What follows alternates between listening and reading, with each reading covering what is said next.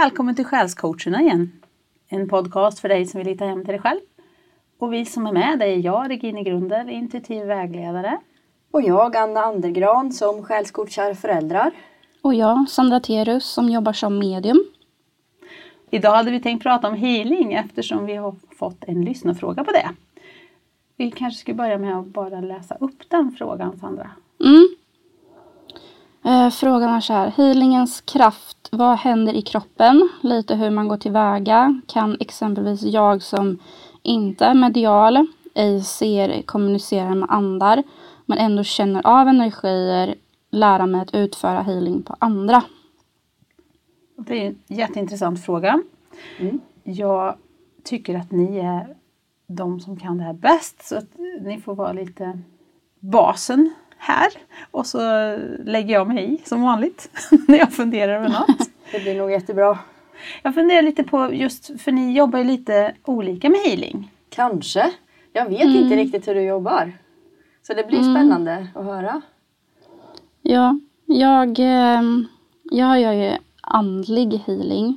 Så jag har ju andevärlden med i spelet då när jag håller på med healingen. Gör jag. Och eh, ja, där ibland så ser jag ju dem och ibland så känner jag av dem bara då. Så det är lite blandat. Men ehm, de, jag får ju till mig genom min guide dels.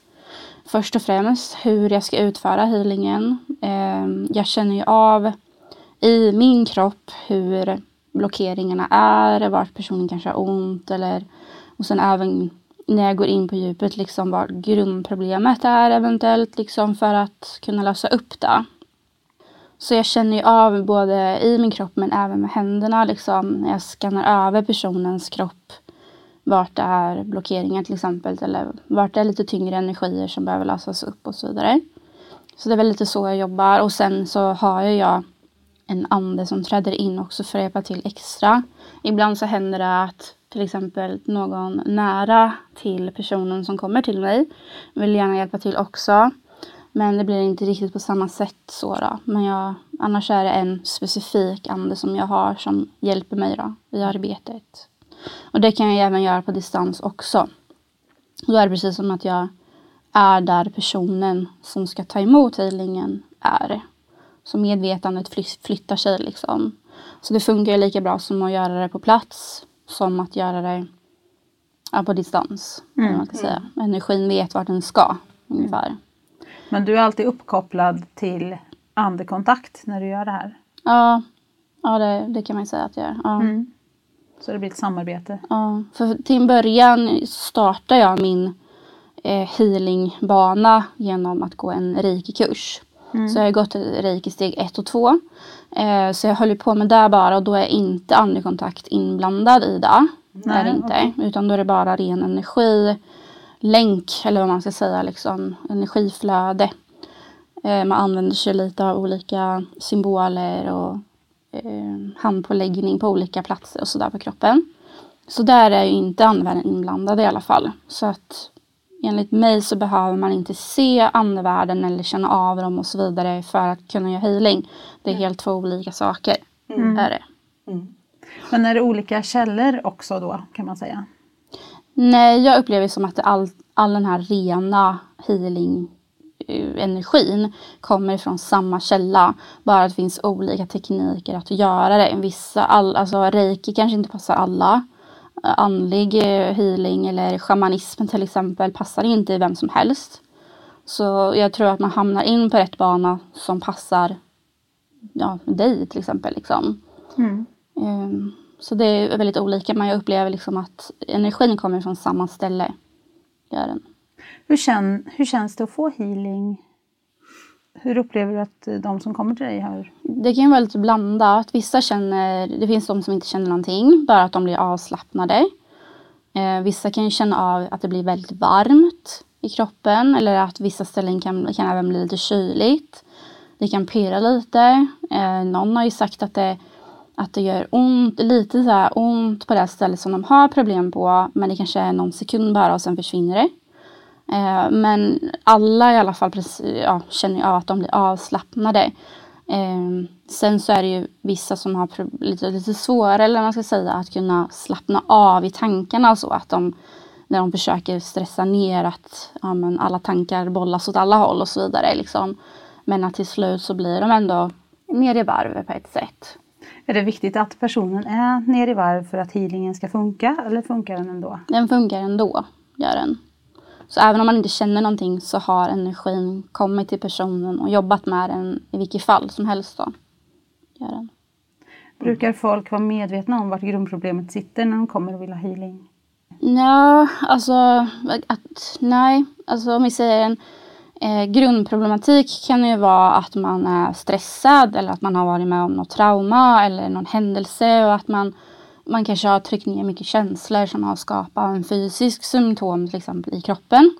För enligt min upplevelse och det som jag har lärt mig på vägen så är det ju vårt liv och allting som händer i livet som kan ja, men bli som en, en tung energi i våran kropp som sen blir en fysisk symptom till slut om det är så att man inte gör någonting åt saken. Eh, så det, ja, det, fin- liksom, det är liksom som ett andligt problem till början som kan bli mm. fysiskt. Typ, mm. är det. det manifesterar sig i kroppen till ja. slut. Så att alla vet väl inte om riktigt vad kanske grundproblemet är.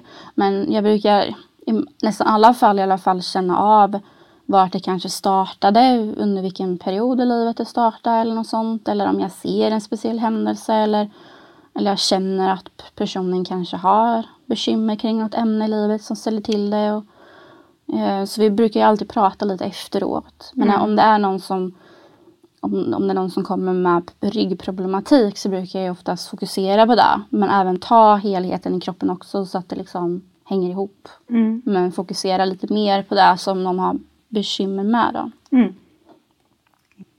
Intressant, mm. Sandra. Så det är väl så jag jobbar i alla fall. Mm. Är det. Eh, hur jobbar du, Anna? Ja, um, jag jobbar ju inte så mycket med andevärlden med, alltså, vad ska man säga? Ja, medvetet. Alltså jag tar inte in så mycket information medvetet. Eh, utan jag jobbar ju mer med att eh, bli väldigt, väldigt centrerad. Hitta den djupaste platsen i mig där jag är i kontakt med allt och alla andra. Och sen låta källan jobba därifrån genom mig och i kontakt när jag är i kontakt då med den här andra personen som jag ska ge healing till så är det liksom den platsen i den personen som jobbar, upplever jag, och ger healing till den personen. Så det är egentligen inte att jag healar den personen utan den personen healar sig själv men det sker när jag är i kontakt med den platsen i mig och med den platsen i den personen och låter det här flöda. Så det är mer kanske närmare reiki. Jag har inte jobbat just med reiki något men jag upplever att baserat på det du sa att det, det är närmare det som jag gör. För att det är ren energi. Eh, så. Eh, och att mitt jobb är egentligen att att koppla upp mig på det högsta i mig och så att jag hjälper det högsta i den personen att jobba igenom de, det som är i vägen i den personen också. Mm. Så det, det är lite... Ja, vi pratar ibland i andra sammanhang om alignment också. Att man alignar sina olika nivåer med det högsta i sig, med det universella i en och med själen i sig som redan är hel på alla sätt och är allt det behöver vara redan så alignar man de andra nivåerna, det andliga och det mentala och det känslomässiga, energimässiga och till slut i kroppen så mycket som möjligt med det, då har vi inga problem i kroppen utan jag upplever precis som du sa Sandra att det är ju när vi kör fast i tankarna, när saker, när vi håller fast eller lagrar gamla känslor att det blir blockeringar på olika nivåer så sätter det sig till slut i kroppen. Så jag, jag tänker också att, eller upplever också att det som händer är att blockeringar tas bort som har kanske bulkats upp. Att flöden, energiflöden frigörs så att det kan flöda bättre. Så det handlar egentligen mer om att ta bort det som är i vägen från det som redan är helt. Igen, det är egentligen det man håller på med. Mm. Så, så jag, jag känner ju också att man behöver inte nödvändigtvis vara på plats med personen. Det kan vara lättare att kommunicera i, före och efter och sådär. Eh, men man kan lika gärna göra det här på distans för man, det handlar ju inte om att fysiskt... Eh, jag rör inte personen oftast när jag healar. Eh, för det handlar inte om att laga sår. Liksom. Det handlar inte om att Eh, vara på kroppen och laga. Utan man lagar inifrån och ut. Energimässigt. Så, så det kan ju göra att huvudvärk släpper eller någon ryggsmärta släpper eller sådär. Men det innebär ju inte att tar man ett sår på fingret så är det borta efteråt. Direkt så. Utan det här är någonting som sker nivå för nivå som kan innebära att man känner och upplever förbättringar i kroppen. Och ibland inte. För ibland så är det någonting mer på tankenivån eller på känslonivån eller så som behöver landa rätt. Mm. Ja. Kan vem som helst bli healer? Ja, det tror jag. Om man har den längtan och viljan och intentionen. Så vi alla har ju kontakt med det där i djupet av oss. Vi har bara olika medvetenhet om det. Vi är olika medveten kontakt med det, men vi alla har ju det. Som jag ser det. Mm. Enligt mig så säger jag nej i så fall. Ja. Ja, vad spännande. Ja. Roligt. Roligt med lite, lite spänning. Ja. Ja, precis. Nej, men jag tror inte att alla är ämnade för att göra det. Dels så är det ju, om vi säger att alla går, all, det är inte meningen att alla ska gå den vägen i Nej. det här livet kanske. Eh, sen så handlar det mycket om, tror jag, medvetenheten, både kring sig själv, eh, alltså ha en ödmjukhet, förståelse kanske för andra. Så att, eh, visst, finns det ett intresse för det såklart så kanske det finns någonting där som man ska utforska. Men på vilken nivå det handlar om så tror jag det kan vara väldigt olika. Alltså alla kanske inte ska jobba eller utföra healing så. Men jag tror att jag tror dels att alla kanske kan göra healing till sig själv på något sätt i alla fall. Men eh, ja, det är väl liksom lite olika nivå olika nivåer handlar om kanske hur mycket man ska göra. Men, men jag tror inte att alla är ämnade för att göra det dock. Nej. Jag kan ju hålla med om det när du säger så. Att inte alla ska eller är ämnade. Mm. Eh, Men jag tror att alla egentligen kan. Om man, alltså jag tror att man eh, om man har den här djupa längtan efter det så är det för att, man, att det ligger med i ens väg. Mm, precis. Sen kan det ju variera om, om det ligger med i närmaste året eller kanske om det ligger lite längre fram. Eh, men jag tror ju att längtan är där av en anledning. Om man känner en sån. Att man verkligen skulle älska att hålla på med det. Mm. Så tror jag det är där av en anledning. Jo. Men, om, men sen finns det ju många som inte ens är öppna för att det skulle kunna vara en möjlighet. Nej. Som tycker att det finns inte, det hokus pokus, det lurendrejeri. Och då tror jag att det kanske också är av en anledning. Att då kanske man inte, det är inte med ens väg. Nej. I det här livet i alla fall. Nej, precis. Ja.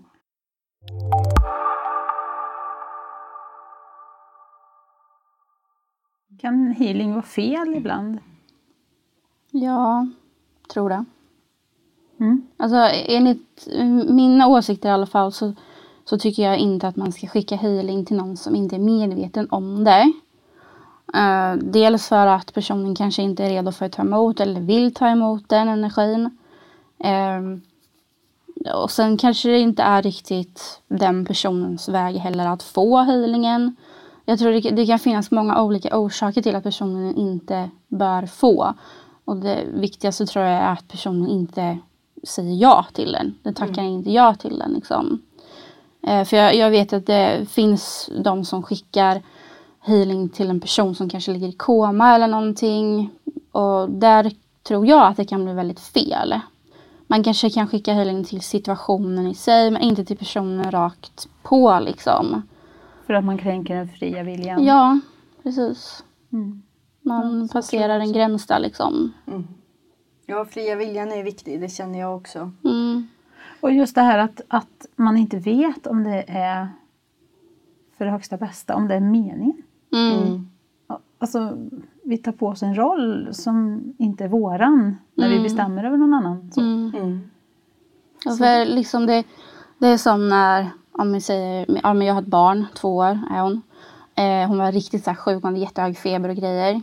Och jag kände så här, men gud jag kanske ska skicka healing till henne.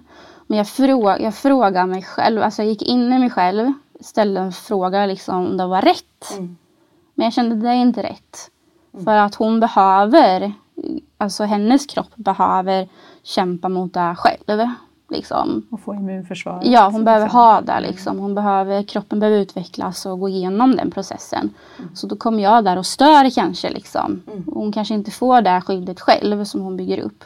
Så det är liksom en grej.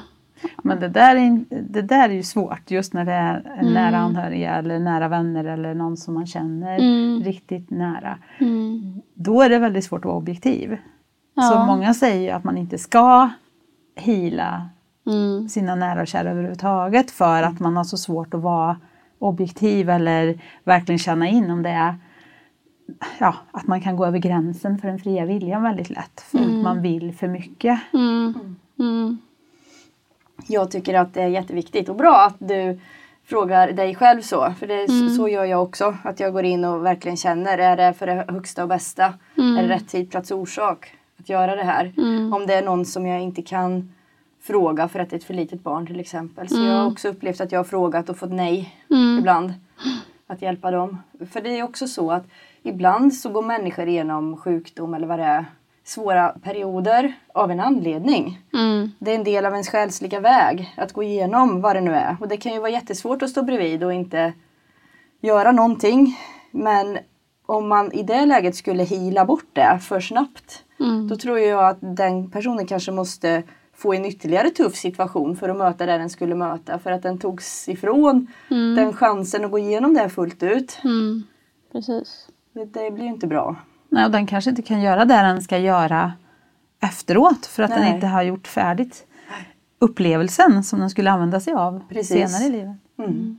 Men eh, om jag förstår det rätt och som jag tänker också så är det viktigaste som healer att visa respekt för den fria viljan Mm. Mm. och att man är medveten om att man har egna saker på insidan som man måste ta hänsyn till också. Man måste vara medveten om sig själv. Mm. Så att man verkligen skickar healing av rätt orsak Mm. och från rätt källa. Mm. Pratar ni två om samma källa nu när ni healar? Tror Det ni? tror jag. Det tror jag också. Det finns bara en. Mm. Ja, då, Den rena universella urkällan liksom. Mm. Mm. Jag, upplever precis så också. Att det finns massa olika metoder att eh, man kan använda sig av för sin egen skull mest. För att komma i kontakt med den och låta den komma igenom. Mm. Hur lärde ni er då? För frågan var ju lite hur man kan lära sig. Om det som man kan bli det utan att, koppla in andevärlden. Mm. Och sen li- lite fråga hur man gör eller hur man lär sig. Ja, andevärlden behövde man inte koppla in så sett. Men det, alltså, jag skulle rekommendera att prova att ta någon healingkurs som man känner sig lite dragen till. till. Sen är inte det hugget i sten att det är just den vägen man ska gå men det är liksom en öppning för dig att hamna på rätt väg och känna in vad är det som passar mig liksom. För jag, Men hur ska man veta det då? För det är ett stort utbud. Det finns ju så mycket att välja på idag. Det är ju tror- reiki och det är ja. ju... Alltså det, det finns ju väldigt mycket. Mm. Alltså jag är ju en naturmänniska ut i fingerspetsarna. Så jag är ju väldigt dragen till just shamanismen. Det finns ju olika där också. Men kan du förklara det lite grann? För det är kanske inte alla som vet riktigt vad det, vad det är. Shamanismen så jobbar man väldigt mycket med naturens energier. Eller olika element och olika riktningar. Och man jobb, vissa jobbar ju dels med trumma mycket också. Eh, för den skapar sina vibrationer som vi har i våra ja, men, hurrötter liksom. Eh, jag, håller inte, alltså jag, jag utför inte shaman, shamanism, shamansk healing heter det. Eh, utan jag har liksom skapat egentligen mitt, mitt eget sätt att arbeta på. För vissa, vissa, vissa är redskap som man använder inom shamanismen använder jag för healingen. Men andevärlden är den som jag har starkast kontakt med som hjälper mig när jag, när jag gör healingen. Eh, Så det är en liten blandning tror jag att jag skulle säga att jag håller på med. Du har gått lite olika kurser och så har du liksom plockat ihop det Ja. som funkar för dig. Ja, precis. Ehm, men jag tror jag har liksom ramlat in på den vägen. Att först, ja, men jag var nyfiken på healing allmänt. Och då var det närmsta eh, reiki-healingen då. som jag körde på. Eh, och jag lärde mig jättemycket där, gjorde jag. Men sen så efter ett tag så kände jag nej det är inte riktigt mitt sätt att arbeta på. Och sen ramlade jag in på en ny kurs liksom. Och då var det ju eh, dels eh, medicinhjulet, ett litet har jag ju gått. Eh, men sen så har jag jobbat mycket med mitt andliga team. Du sa att du har ramlat in på olika saker. Mm, Det är ju intressant för att det kanske många som undrar hur ska jag hitta det som är mitt? mm. Kan du beskriva lite mer hur det gick till när du ramlade in på saker? Hur visste du att du skulle prova det? Eller? Mm. Alltså dels var det bara nyfikenhet i början när jag hoppade på reiki healingen liksom. Ehm, så att det liksom var ju bara att jag såg eh, en annons liksom om att det fanns där i stan. Och då tänkte jag men det är värt att prova. Eh, sen efter ett tag så Eh, när jag hade gjort det, utövat det i något år liksom. Eh, så kände jag just det här med shamanismen, det är lite mer mystik, det är lite mer ja, men lite annorlunda om man ska säga. Och sen är det ju mycket eh, naturinriktning. in, liksom. Så då gick jag ju medicinhjulet och fick ganska mycket insikter och, och sånt där. Eh, lite övningar och sånt som jag har gjort på de närmsta och, och vänner och så vidare. Eh, men sen så, jag är ju väldigt självlärd generellt när det gäller medialiteten och healingen. Så mitt andliga team har ju hela tiden gett mig hintar om när jag gjort healingen till exempel, reiki då. Eh, så har jag fått hinten, nej men du ska inte göra så, du ska göra på det här sättet. Eller du ska, eh, som det har poppat upp saker att jag ser bilder eller att jag ser en, som en skugga på olika ställen. Och då har jag liksom frågat, bollat tillbaka frågan, vad ska jag göra med det här liksom. Så, att har jag, så har jag fått till mig det jag ska göra och, och mina kunder, eller vad man ska säga, de har ju upplevt speciella känslor när jag har utövat det. Alltså mina guider säger till mig och så. Så då vet du att det, det är rätt Det är rätt liksom. ja. ja. Så jag har ju inte tvekat på det som de har sagt utan jag har ju provat liksom.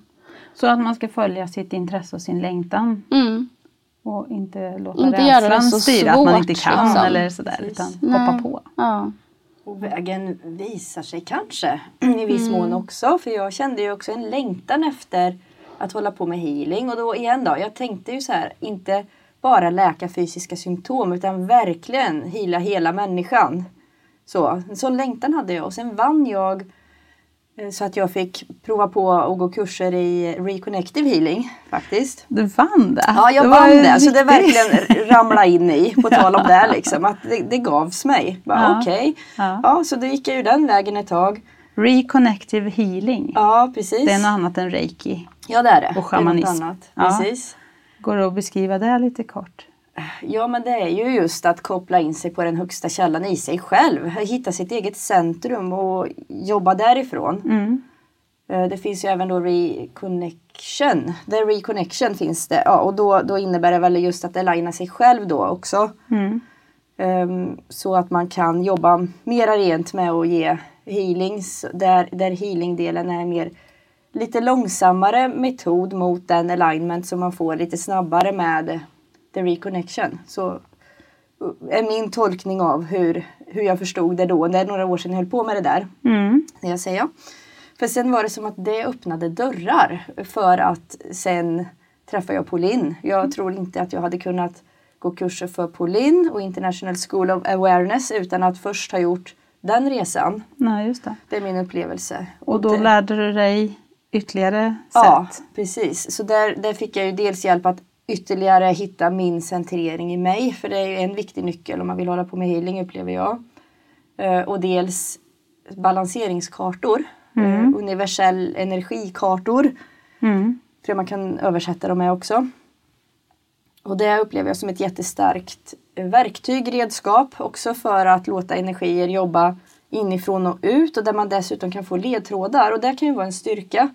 Eh, när jag hörde dig prata Sandra om att man får till sig information från andevärlden som man sen kan förmedla också. Det kan ju ge en ytterligare aspekt på det, att man inte bara får den rena energin utan man också får en ökad förståelse för vad som kanske var i vägen för en och vad man kanske behöver justera för och inte få tillbaka samma symptom igen och så. Det tror jag också är en viktig bit. Ja, och det hade ju inte jag innan. För att jag lät det här jobba bara och lita på att det gavs det som behövde ges. Mm. Med de här kartorna så får man ju med sig en sån pusselbit också då om man inte är medial. Eh, vilket jag kanske inte i alla fall eh, erkänner att jag är så mycket så ofta. Ehm, det, det, det finns med också men inte så där tydligt som hos Sandra. Ehm, I alla fall. Så då kan man också få till sig ord, ledtrådar och förståelse för på vilken nivå är det jag har en blockering och vad är det som, ja vad handlar det om? Mm. Så För de universella balanseringskartorna, där behöver man, behöver man ju inte använda andevärlden allt. Det är en hel healingmetod, ja, om vi får kalla det det, där man inte använder andevärlden heller. Nej, så det är ju precis. ytterligare en metod om man inte ja. känner att man vill jobba med det mediala. Precis. Sen brukar jag ju i och för sig bjuda in både mina hjälpare och hjälparna för, för den personen som jag ska hjälpa. Jag Mm. brukar göra det och liksom bjuda in att, att få hjälp med att det som är för allra högsta bästa för personen och var och en och helheten ska ske. Liksom att, Ja. att jag får hjälp att vara och göra och säga det jag behöver för det högsta bästa och så vidare. Mm. Så jag gör ju det. Men sen har inte jag den här medvetna att jag medvetet tar in information. Att jag ser inte och hör inte direkt utifrån. Utan jag låter det komma inifrån. Så. Ja, man får healing, en healing om man säger, alltså om man kommer till mig till exempel, jag kommer ju inte kunna ta bort ett ryggproblematik på en gång, alltså på en behandling. För när man jobbar med healingen så lyft, alltså energin hjälper till att lyfta upp problemet som man har på den andliga nivån kanske. Eh, för att personen ska kunna bearbeta det, eh, bli mer medveten om det också.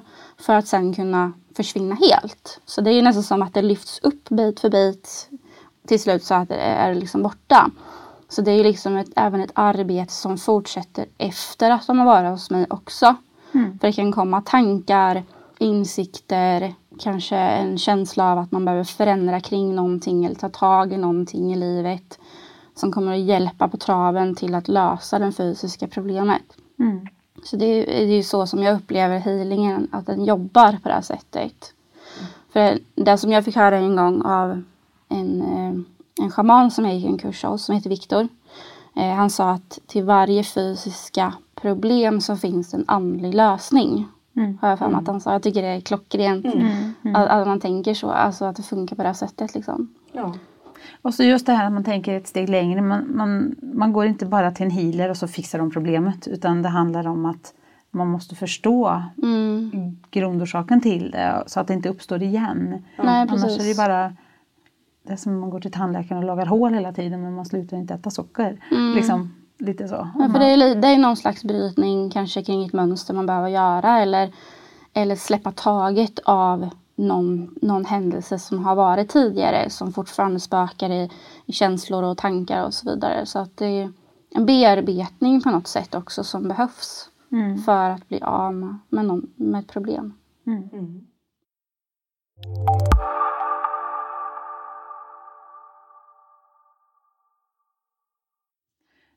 När vi börjar prata om det här så pratar vi om det här äh, sjätte sinnet kontra sjunde sinnet lite grann. Vi har ju Mm. inte egentligen beskrivit sjunde sinnet. Sjätte sinnet vet väl de flesta att det är den andliga kontakten, den här kontakten utåt. Men det sjunde sinnet som, som jag har lärt mig och som jag tror du har lärt dig Anna, det är ju det där du beskrev förut. Den här innersta, innersta kärnan Mm. av connection med allt, eller Ja. vad man ska säga.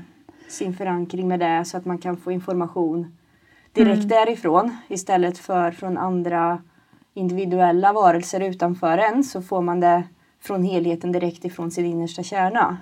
Och Pauline brukar ju kalla det divine sparkle Ja. också, för det är ju ändå en connection med det högsta Ja. också Stämmer. i det. Mm. Så det Men är det som att ni, ni menar att ni har kontakten med er själ?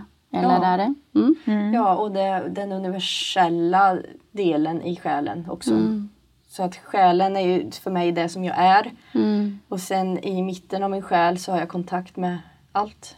Mm. Allt och alla. Där allt man kommer ifrån. Precis. Källor. Det som vi alla är del av och det som är del av oss alla. Mm. Det som vi är ett i. Mm. som inte man riktigt förstår men som man kan känna Mm. ibland. Som finns där ändå oavsett om man vet det eller är medveten om det. Mm. Ja, lite förenklat så brukar jag tänka att sjätte sinnet det är kontakten utifrån och in. Och sjunde sinnet är kontakten inifrån och ut på något sätt. Ja, ja. Det kanske blir väl förenklat men, men just det här när man har kontakt med andar eller energier på utsidan då använder man ju sjätte sinnet.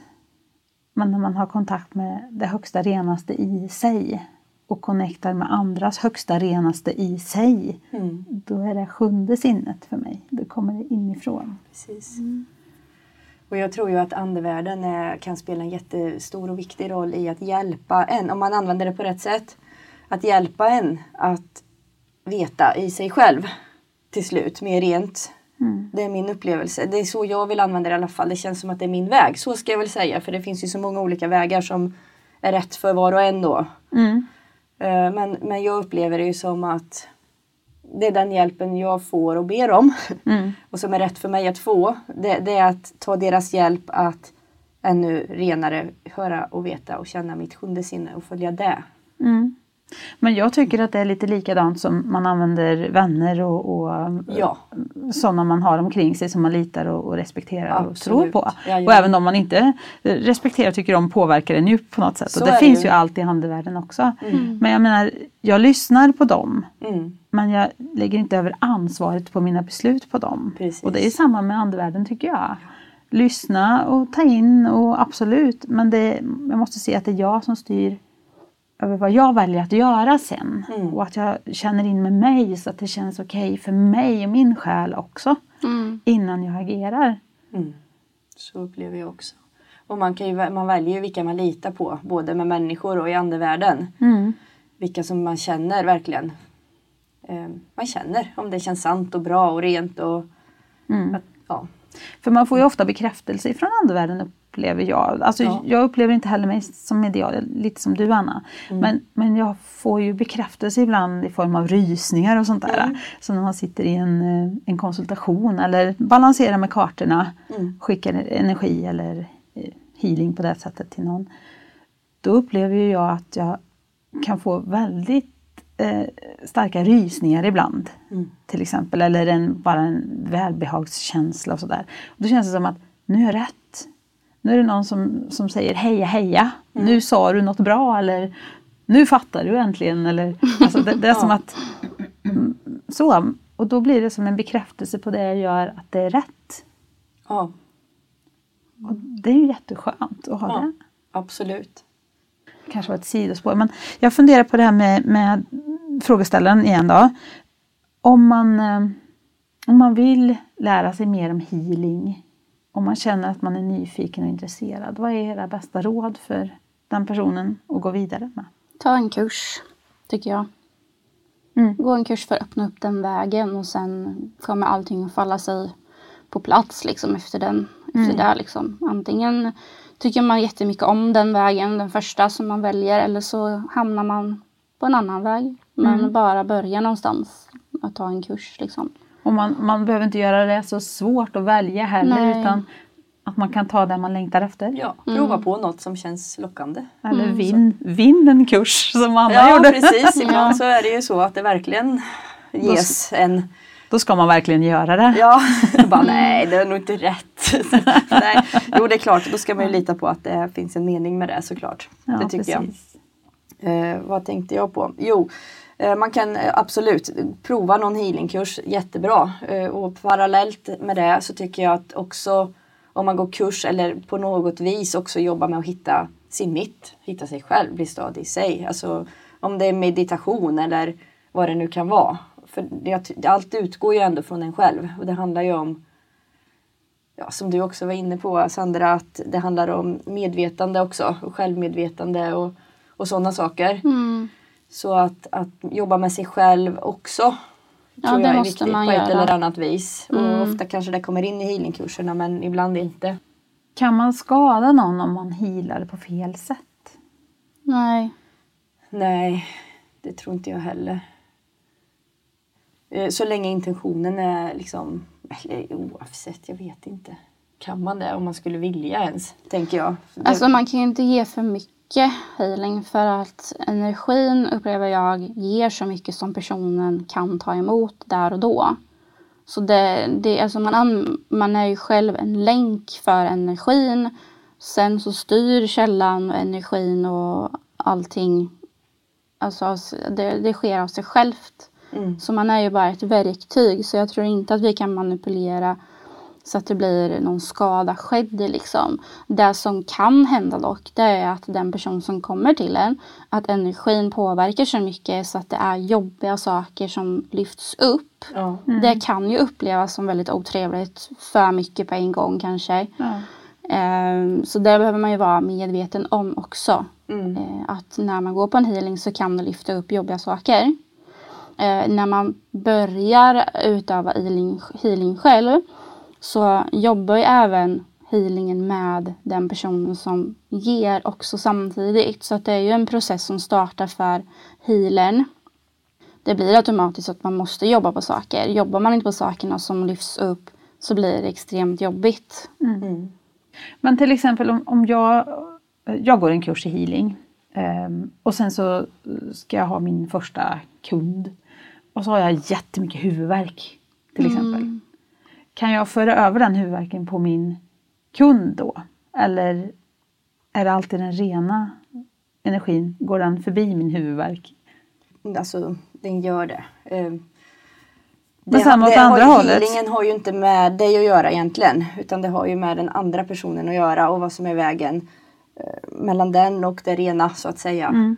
Och jag, jag tror också att det här, eller jag är övertygad om att det här källan som det kommer ifrån är så pass mm, den, är på ett sånt sätt så att den bara ger det som är bra. Den skadar aldrig. eh, Utan, och den, eh, den kan bara användas till bra. Eh, Men ändå samtidigt så är jag alltid noga med att sätta rätt intention inför. Att, att det bara ska bli för det högsta bästa och att Mm. Du förbereder ja, det är dig. inte det jag vill ska hända utan det är det som är för det högsta och bästa för den här personen. Det tror jag är jätteviktigt och inte försöka styra hur healingen, alltså vad, vad resultatet av healingen ska bli. För Nej. man vet inte det. Nej. Nej. Och sen, jag tänkte även på andra hållet om en person kommer med mycket tunga energier. Mm. Finns det risk att den som healar smittas av den energin och får den i, i sig? Måste man rena sig eller tänka på något speciellt? Alltså, innan man börjar med healingen så behöver man ju be om beskydd själv för att få behålla sin energi som man har. Så man inte ger av sig själv om man säger. Men eh, är man väldigt känslig som person och har lätt för att ta på sig andras energier så är det ju klart att man kan bli påverkad av den personens energier om det är så att man inte släpper taget om personen när personen går därifrån. Eh, Man kan inte vara uppkopplad mot personen och tänka undra hur det går för den personen eller hur mår den personen ja, efter det här. Och, utan när man är klar så är man klar. Sen, får, sen så lever personen sitt liv efter det. Liksom. Ja. För annars tror jag att det kan bli att man lever sig kvar i den energin själv. Ja, jag tror att det kan finnas en sån risk. Också om man, man, man behöver jobba medvetet med det med. Och det tror jag man får lära sig de flesta healingkurser också. eh, På ett eller annat vis. Mm. Lära sig att inte ta, ta på sig energin. Det är helt enkelt väldigt viktigt att respektera kunskapen kring detta och inte kanske bara kasta sig ut och, och leka med det för mycket, eller? Nej, för att det, det är väl, man kan bli skadad, eller skadad liksom själv. Eller inte dem. förstå vad som händer. Ja, alltså man, man kan uppleva saker som man inte förstår vad som händer, som du säger. Eh, men att man tänker att man vill skicka healing, det tror jag inte skadar. Men det är just liksom, vad kan hända med, med en som inte vet vad den gör liksom. Runt omkring, allting runt omkring är det ju som man kanske inte förstår då. Där är ju igen viktigt tycker jag att ha sätt att hitta sitt centrum. Så att man själv kan rena sig inifrån och ut. Mm. Eh, För det, det är ju så att vi tar ju upp energier av varandra hela tiden nu, nu ute när vi är i affären eller på jobbet eller vart som helst. Att vi snappar upp och kan känna oss tyngda eller upplyfta beroende på vad vi har omkring oss. Och samma med andevärlden. Så det är ju nyttig, eh, nyttig kunskap att ha oavsett om man ska hålla på med healing eller inte. Att hitta sitt centrum och kunna liksom ta ansvar för sin egen energi. Mm. Mm. En jättebra avslutning där tycker jag. Mm. På det här jätteintressant eh, samtal tycker jag. Ja, ja, blev det. Ja, Jag har lärt mig massor. Ja, det är spännande att prata om sånt här. Ja det är det. Jag hoppas att den som eh, har ställt frågan känner att, Jag fick svar. att den fick svar. Ja. vi får hoppas det. Ja. Mm. Men ska vi påminna folk om att de väldigt gärna får ställa frågor till oss på vår Facebook-sida, Ja. Själscoacherna, och på Instagram. Mm. Ja. Regine understreck Sandra, Sandra, understreck Marianne, Marianne. understreck Anna. ja, man kan söka på Själscoacherna ja, också. det kan man. Och de får jättegärna gå in på Soundcloud också och, och gilla våra avsnitt Mm. och följa oss där. Så får man ju en avisering också. Finns ju på, ja. Spotify finns ju. ja just det. Mm. Så vi finns lite överallt. Ja, det är roligt. Japp. Och om man vill veta mer om healing eller sådär, då kan man väl också ställa frågor direkt till er. Ja, Anna absolut. Andegran och Sandra Terus. Mm. Finns på Facebook båda två. Mm. Ja. Vad bra. Ja. Hopp, men eh, då nöjer vi oss där och så Jajamän. Tack Syns. för idag. syns vi snart igen. ja, tackar. Hej hej! Hej, hej. Hej.